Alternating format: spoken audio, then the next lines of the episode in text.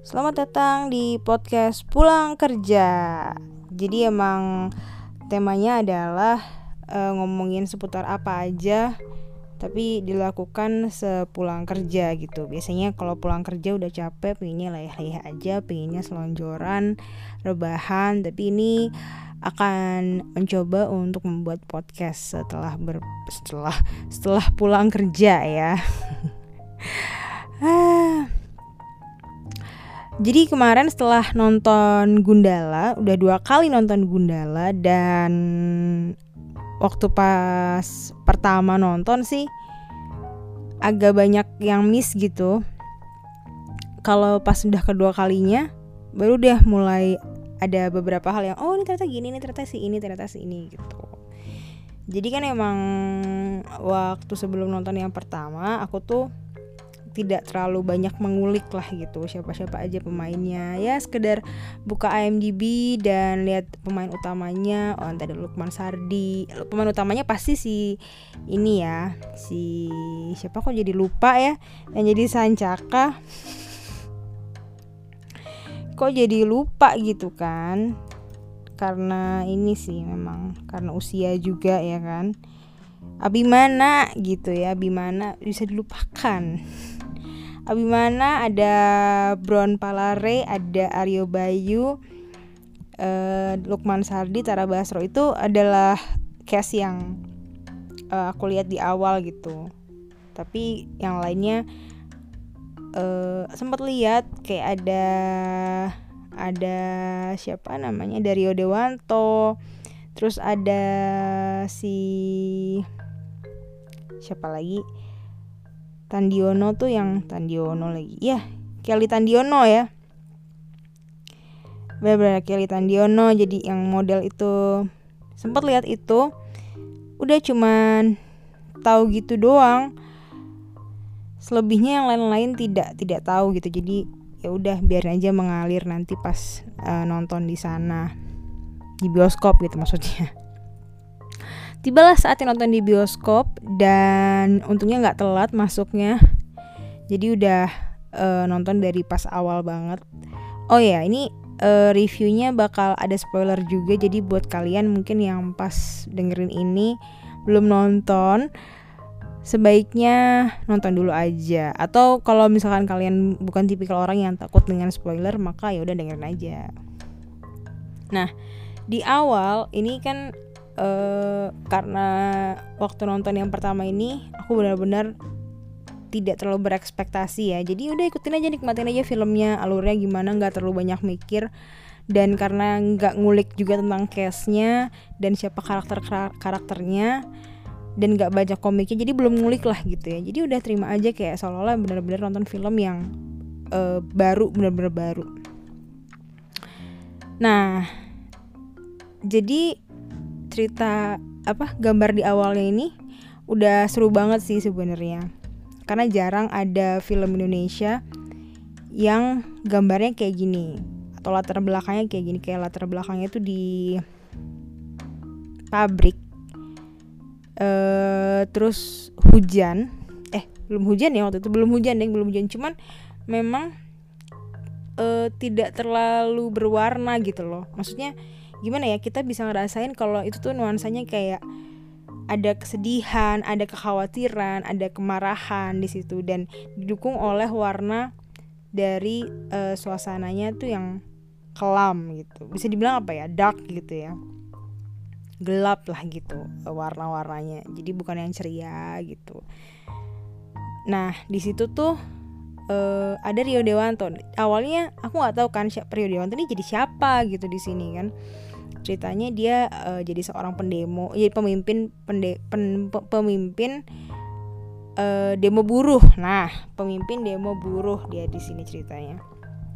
Dia memimpin uh, tapi dia tidak mengarahkan para buruh-buruh ini untuk melakukan kekerasan. Jadi dia sebisa mungkin di sini menahan teman-temannya untuk bisa uh, jangan melakukan kekerasan kayak gitu kok gue kayak lain jam aja. Lo kekerasan gak gitu sih. Ditahan maksudnya bener-bener uh, jangan sampai berantem gitu. Tapi kemudian si Rio Dewanto ini dikhianati uh, oleh temannya dan mengakibatkan dia uh, di dibunuh gitu. Nah, di sini sebenarnya sampai situ ya sampai sampai tahap di mana si Sancaka yaitu Gundala namanya Gundala gitu ya waktu kecil itu kerasa banget rasa Indonesianya gitu. Karena kan ini superhero dari Indonesia ya. Terus uh, superhero itu padahal identik dengan luar negeri dengan Hollywood gitu. Ya semua hampir semua deh kayaknya yang namanya pahlawan itu lahirnya di di Hollywood gitu. Spider-Man, Superman. Oke okay lah kalau Superman, kalau DC tuh punya punya banyak kota khayalan ya. Kayak kayak kayak Batman tuh di Gotham gitu kan. Gotham tuh kan nggak tahu di mana gitu. Terus kalau Superman itu di Daily Planet itu apa sih nama kotanya? Aku lupa pokoknya dia kotanya juga eh apa namanya fiktif gitu. Yang memang yang memang asli kota maksudnya emang ada namanya tuh kayak Iron Man tuh kan di New York. Mem memang dia di eh, di New York atau di LA ya? Pokoknya di Amerika lah gitu. Spiderman juga di Amerika. Terus uh, Thor di Asgard tapi mostly mereka tuh tinggalnya tuh di di di Amerika lah gitu dan lahir dari dari dari dari Hollywood ya. Kalau aku nggak salah sih ya begitu kan. Maksudnya uh, penerimaan kita terhadap superhero itu ya ya dari mulai latar belakang cerita masalah itu pasti dari Amerika. Kayak misalkan kalau nonton uh, Spider-Man yang yang yang yang berapa ya itu ya? yang, yang yang kedua kayaknya yang dia jadi pengantar pizza ya itu kan ya relate dengan kehidupannya Amerika gitu. Spiderman kalau di sini susah ya nggak ada gedung jarang ada gedung-gedung bertingkat kecuali di Jakarta gitu kan. Kalau di Jogja susah ya kan. Kalau di Bali susah. Kalau di Semarang ya bisa tapi cuman di paling ya di Simpang Lima daerah Simpang Lima gitu kan. Gak banyak kota-kota yang punya gedung-gedung bertingkat pencakar langit gitu. Jadi permasalahan dan background ceritanya tuh udah udah udah Hollywood banget, udah Amerika banget. Sedangkan uh, Gundala ini kan pahlawan dari Indonesia. Jadi cerita yang diangkat pun harus Indonesia banget menurutku sih juga gitu.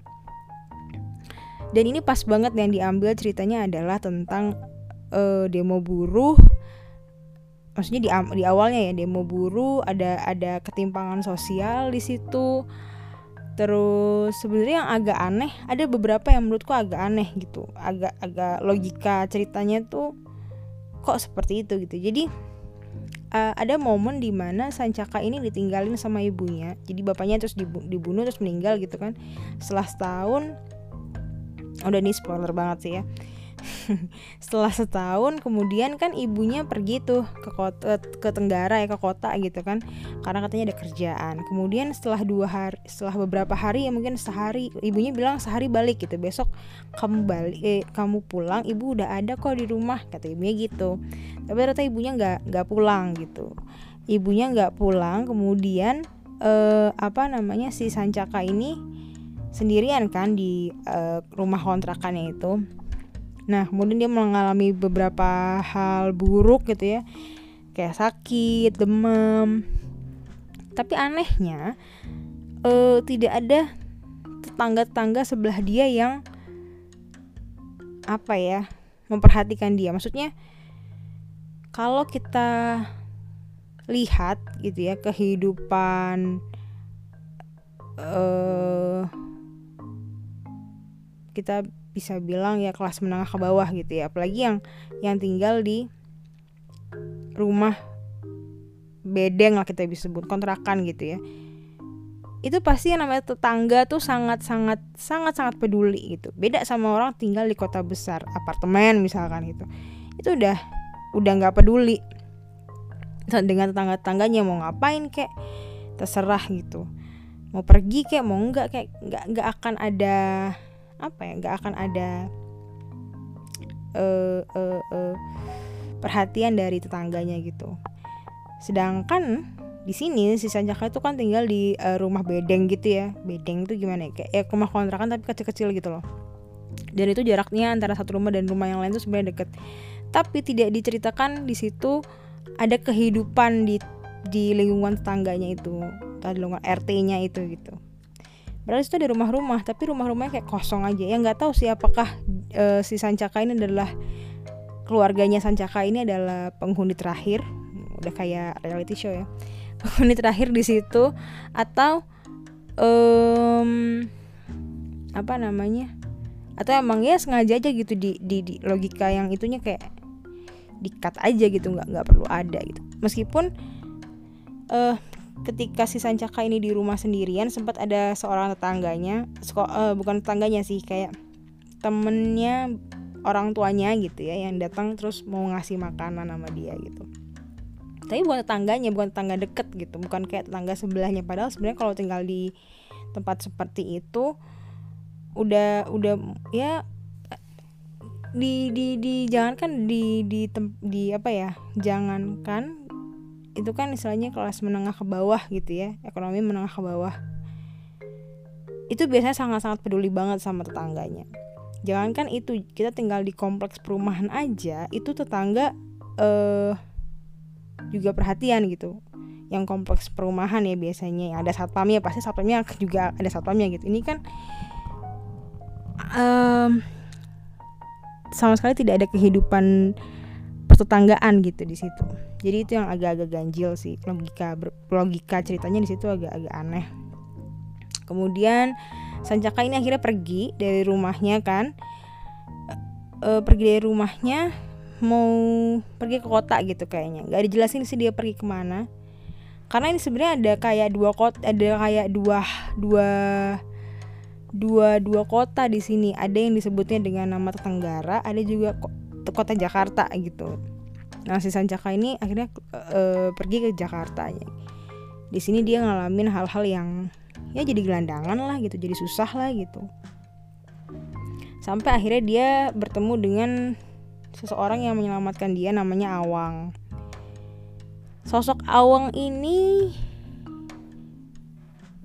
uh, sebenarnya ketika dia bertemu dengan Awang tuh nggak aneh sih, nggak nggak ada yang ganjil menurutku logikanya ya masuk-masuk aja. Awang itu mungkin simpati melihat si si Sancaka yang mau dikeroyok terus ditolong terus ya udah gitu. Terus akhirnya mereka ada satu kejadian yang buat mereka berpisah gitu. Tapi sampai di situ tidak ada yang ganjil gitu. Yang ganjil adalah ketika Sancaka ini ditawarin uh, jadi dia lagi dikejar-kejar gitu. Kemudian dia diselamatkan oleh uh, sepasang suami istri. Di sini tuh anehnya adalah uh, apa ya pas banget gitu. Kayak dibikin ngepas banget nih. Pas banget sih Sancaka dikejar-kejar pas banget mobilnya lewat. Uh, aku nggak tahu sih kalau orang lain ya tapi kalau aku yang mengalami hal itu aku pasti tidak akan se aware itu. Pasti akan kaget pasti akan ngerem mendadak pasti akan kemaju ke apa kemajuan. Jadi kayak misalkan udah udah jalan nih mobilnya gitu. Eh tadi ada apaan tuh? Mundur lagi atau gimana ya? Um, mobilnya itu datang jadi kayak nutupin gang gitu pas banget di depannya Sancaka gitu. Jadi kayak si supirnya ini supirnya si suaminya ini udah udah pro banget udah kayak udah tahu nih bakal ada Sancaka datang lewat situ. Makanya dia berhenti di situ gitu. Bukan yang kayak eh ada anak kecil tuh ada anak kecil lari-lari gitu bukan yang kayak gitu nyelamatin. Jadi iya kelihatan di setting banget lah gitu. Kelihatan kalau itu emang tidak net ya gimana sih? Ya film yang disetting gitu bukan naturally ada orang yang mau menyelamatkan seseorang yang sedang dikejar-kejar gitu. Uh, sampai situ sebenarnya uh, si pasang suami istrinya juga agak-agak aneh gitu kayak pertanyaan-pertanyaan diajukan ke Sancaka setelah dia masuk mobil gitu. Agak-agak uh, kayak apa ya apakah itu benar yang akan ditanyakan oleh sepasang suami istri Indonesia di kepada seorang anak kecil? Di situ juga agak-agak aneh menurutku. Um, tapi ya udahlah ya namanya juga film. Jadi nggak nggak logika logika seperti itu tuh kayak ya udah gitu terima aja sih kalau kalau aku. Tapi overall film ini tuh mampu memberikan pesan mampu menyampaikan pesan secara baik. Kalau memang itu pesannya ya pesan moralnya ada pesan sosialnya ada isu sosialnya yang ingin disampaikan oleh uh, sang sutradara yaitu Joko Anwar gitu. Yang diangkat tuh adalah isu sosial yang terjadi di uh, masyarakat. Tapi memang akhirnya jadi bercampur-campur gitu ceritanya. Sehingga kita nih yang ngikutin nih uh, memang harus benar-benar ngikutin. Karena kalau enggak jadi kayak agak eh tadi apa sih? gitu. Karena penjelasannya tuh sedikit minim banget gitu. Kayak misalkan kenapa bisa tiba-tiba ada serum jadi jadi tuh permasalahannya di sini ada uh, ada serum yang namanya serum amoral gitu yang disebarkan oleh si villainnya yang namanya pengkor gitu. Nah, pengkor ini diceritakan sedemikian rupa betapa jahatnya dia dan betapa kelamnya masa kecilnya dia sehingga dia bisa sejahat itu. Tapi uh, apa ya? Aneh aja gitu kayak jadi ada masalah nih. Sebenarnya ini masalah yang sudah uh, kalau jadi isu nasional bahkan harusnya ada ada sosok presiden di situ ya, yang harusnya berbicara gitu ya. Tapi ini nggak ada dan dan dan uh, si apa namanya ada situ ada anggota DPR gitu ya ada anggota DPR dan anggota DPR ini mendesak untuk bisa disahkan yang namanya undang-undang anti eh undang-undang untuk obat eh kok untuk obat untuk serum dari serum anti moral gitu. Jadi kan ada nih ada sebuah wabah. Ini ini spoiler total banget. Ada sebuah wabah kan eh, namanya serum amoral tadi itu yang makan nasi yang disuntikan oleh serum amoral itu yang lagi sedang hamil ibu hamil kalau yang nggak hamil nggak masalah tapi kalau yang ibu hamil dia akan melahirkan anak yang uh, amoral gitu. Jadi istilahnya generasi saat itu yang yang setelah yang saat itu akan lahiran nanti ya itu semuanya akan jadi amoral. Eh uh, di situ kelihatan kayak uh, si sutradaranya gitu ya ingin cepet banget kayak pokoknya ini masalahnya ini solusinya nanti akan jadi kayak gini. Nggak mau tahu gimana. Jadi jalan ceritanya tuh tidak tidak halus gitu loh. Jadi ya udah pokoknya intinya masalahnya adalah ini nanti harus endingnya nih harus kayak gini nih. Nah gimana caranya sampai ke ending kayak gitu? Sehingga kayak loncat kayak kayak, kayak banyak yang jumping gitu plotnya gitu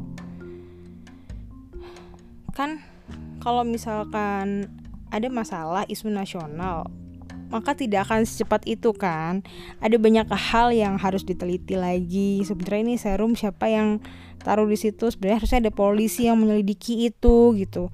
Terus uh, peredaran beras bisa di stop ya kan? Tidak perlu bikin yang namanya serum anti an, serum anti serum untuk serum tadi gitu ya. Ya gitulah ya ribet ya sebenarnya banyak cara yang bisa dilakukan gitu. Dia bisa stop peredaran beras kemudian dia bisa bisa uh,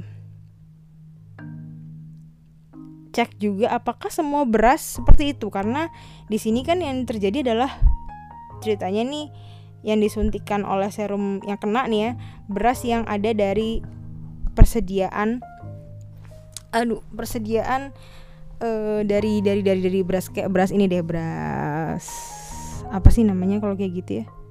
Beras murah lah gitu. Karena itu dari dari negara gitu. Sedangkan yang import kan belum tentu gitu. Tapi ini kayak jadi isu nasional kekacauan di mana mana gitu. Udah udah dari anggapannya udah isu nasional banget. Tapi tidak ada tanggapan dari menteri kesehatan tidak ada tanggapan dari uh, presiden. Tapi yang di sini yang di uh, highlight adalah DPR gitu. Mungkin emang sasarannya emang pingin pingin pingin pingin pingin pingin tokohnya itu aja kali ya. Nggak nggak tahu sih kenapa gitu atau nah di situ jadi agak-agak hmm, maksa lah gitu logikanya. Karena apa iya seperti itu gitu? Ya tadi aturannya kan kalau misalkan ada masalah isu nasional tuh nggak langsung tiba-tiba dibikin undang-undang semua ibu hamil harus diwajibkan suntik uh, apa nih namanya suntik serum anti serum amoral gitu. Serum anti serum amoral ya obatnya serum amoral lah gitu. Gitu.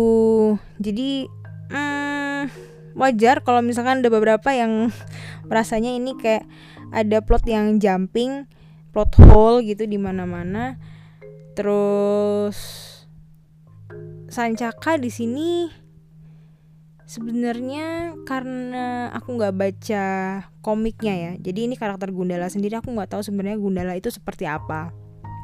Apakah karakter dia seperti Bruce Wayne?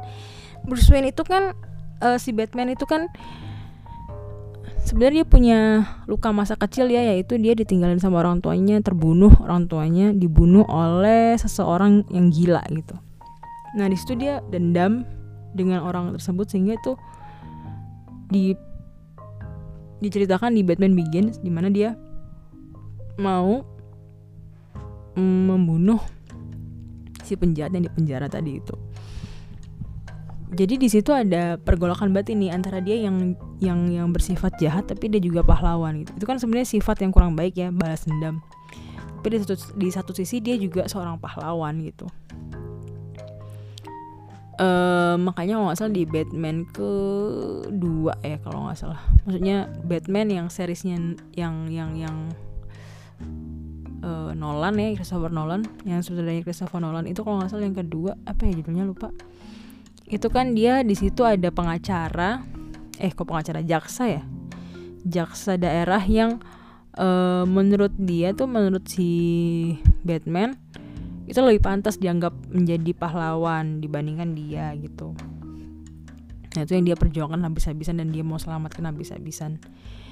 Aku sudah lupa nama karakternya tapi uh, mungkin kalau kalian penasaran kalian bisa tonton kembali ya film-filmnya Batman Christopher Nolan. Karena di Gundala ini aku juga ngerasa filmnya memang nuansanya tuh kayak Batman gitu. Banyak settingnya malam terus uh, banyak di jalan-jalan sempit. Jadi di gang gitu ya. Sebenarnya nggak nggak banyak juga sih. Cuman ada berapa ya? Satu kayaknya tuh yang waktu si Sancaka kecil mau disergap sama preman-preman kecil. Gitu Nah, karakternya si Gundala ini makanya tadi aku bilang kurang kurang dieksplor gitu. Tidak seperti Batman yang uh, diceritain dia waktu masih kecilnya ketakutan karena orang tuanya dia trauma, orang tuanya dibunuh di depan dia, kemudian dia takut dengan kelelawar. Uh, tapi terus kemudian dia ini berguru dengan seorang ninja gitu kan si Ras Al Ghul ini ya uh, kemudian dia punya topeng lainnya di mana dia terlihat playboy bersenang-senang menutupi itu semua padahal sebenarnya di balik itu dia adalah pahlawan. Jadi ada karakter yang dibangun di situ. Nah sedangkan Gundala ini nggak jelas nih karakter dia sebenarnya tuh kayak gimana gitu. Uh, di awal memang waktu masih kecil si Awang pernah bil eh ya awang ya bener ya. Nah biasa nih udah tua jadi uh, suka lupa. Uh, dia bilang tuh si awang uh, kamu ha harus jauhin kalau kamu nggak mau terlibat masalah maka kamu harus menjauhi menjauhi uh, orang uh, menjauhi masalah orang lain. Jangan ikut campur masalah orang lain. Maksudnya di sini adalah nggak usah nolongin orang lain gitu. Kalau lo mau selamat selamatlah diri lo sendiri. Kayak gitu. Nah tapi di sini entah kenapa perasaan itu tuh kurang terbang kurang ter, ter kelihatan gitu. Kurang kurang kurang jelas gitu kurang nyata. Harusnya dia benar-benar cuek secuek-cueknya secuek-cuek manusia ya ketika ada orang yang kayak benar-benar membutuhkan pertolongan dia harus benar-benar kayak gue bodoh amat. Tapi di situ nggak kelihatan gitu. Entah kenapa aku doang yang tidak merasakan itu atau emang yang nggak tahu aku sih nggak ngerasain itu. Karena kalau di apa namanya kalau di uh, film ini gitu ya kan ada pas si Sancaka ini lagi melihat uh, apa namanya cewek yang mau dirampok gitu di di di di gang tapi entah kenapa perasaan ketika nonton cewek ini mau dirampok biasa aja gitu kayak oke okay, biasa aja gitu nggak yang Spider-Man waktu mau nyelamatin Mary Jane, Mary Jane tuh ketakutan banget loh dan kayak uh, apa ya? Terus waktu dia waktu Spider-Man udah berubah jadi Black Spidey itu kan dia udah jadi jahat gitu ya. Eh nggak sebelum itu yang waktu dia uh, kehilangan kekuatannya ada yang di Spider-Man 2 itu kan dia udah nggak bisa jadi Spider-Man lagi tuh. Itu dia ngeliat kejahatan kayak bukan urusan gue gitu. Tapi di situ kerasa gitu kalau dia tuh ada pergolakan batin mau nolong tapi nggak bisa kayak gitu. Nah di sini tuh entah kenapa aku tidak merasakan hal itu di di di di, di Sancaka ya. Jadi Sancaka ini karakternya agak-agak uh, ngawang gitu. Gitu. Dia sebenarnya tuh di sini ditunjukkan dengan karakter yang ya udah 100% pahlawan. Entah kenapa tuh seperti itu kayak dia pingin banget eh dia pingin banget. Dia tuh kayak ketika ada kejahatan ya udah gue harus nolongin. Meskipun awalnya dia kayak bukan urusan gue. Saya nggak bisa. Tapi tuh apa ya? Entah karena Abimana yang emang emang mukanya atau atau karakter wajahnya tuh yang kayak kebapaan banget baik banget gitu ya. Jadi walaupun dia bilang saya nggak bisa nolongin kalian tapi itu nggak ada nggak ada apa ya? Kayak nggak ada pergolakan batin gitu. Kayak bener-bener ya maaf ya saya nggak bisa nolongin kalian gitu. Sorry ya gitu. Tapi entah kenapa kayak kurang greget aja sehingga nggak jelaskan karakter dia tuh apa. Pergolakan batinnya itu nggak terlalu terasa gitu. Itu sih. Tapi overall film Gundala adalah film keluarga yang cocok ditonton. Tapi kalau bisa nontonnya jangan bawa anak kecil lah ya. Karena ada beberapa adegan yang aduh sadis gitu ya. Kalau misalkan anaknya nonton anak kecil tuh peka banget loh terhadap uh, omongan. Mereka, mereka tuh kita tuh kita anak kecil maksudnya ya itu tuh bisa menyerap apa aja dengan mudah. Makanya kenapa di film ini pun yang diceritain banyak nih masa kecilnya. Masa kecilnya si Sanjaka masa kecilnya si Pe eh Pengkor ya.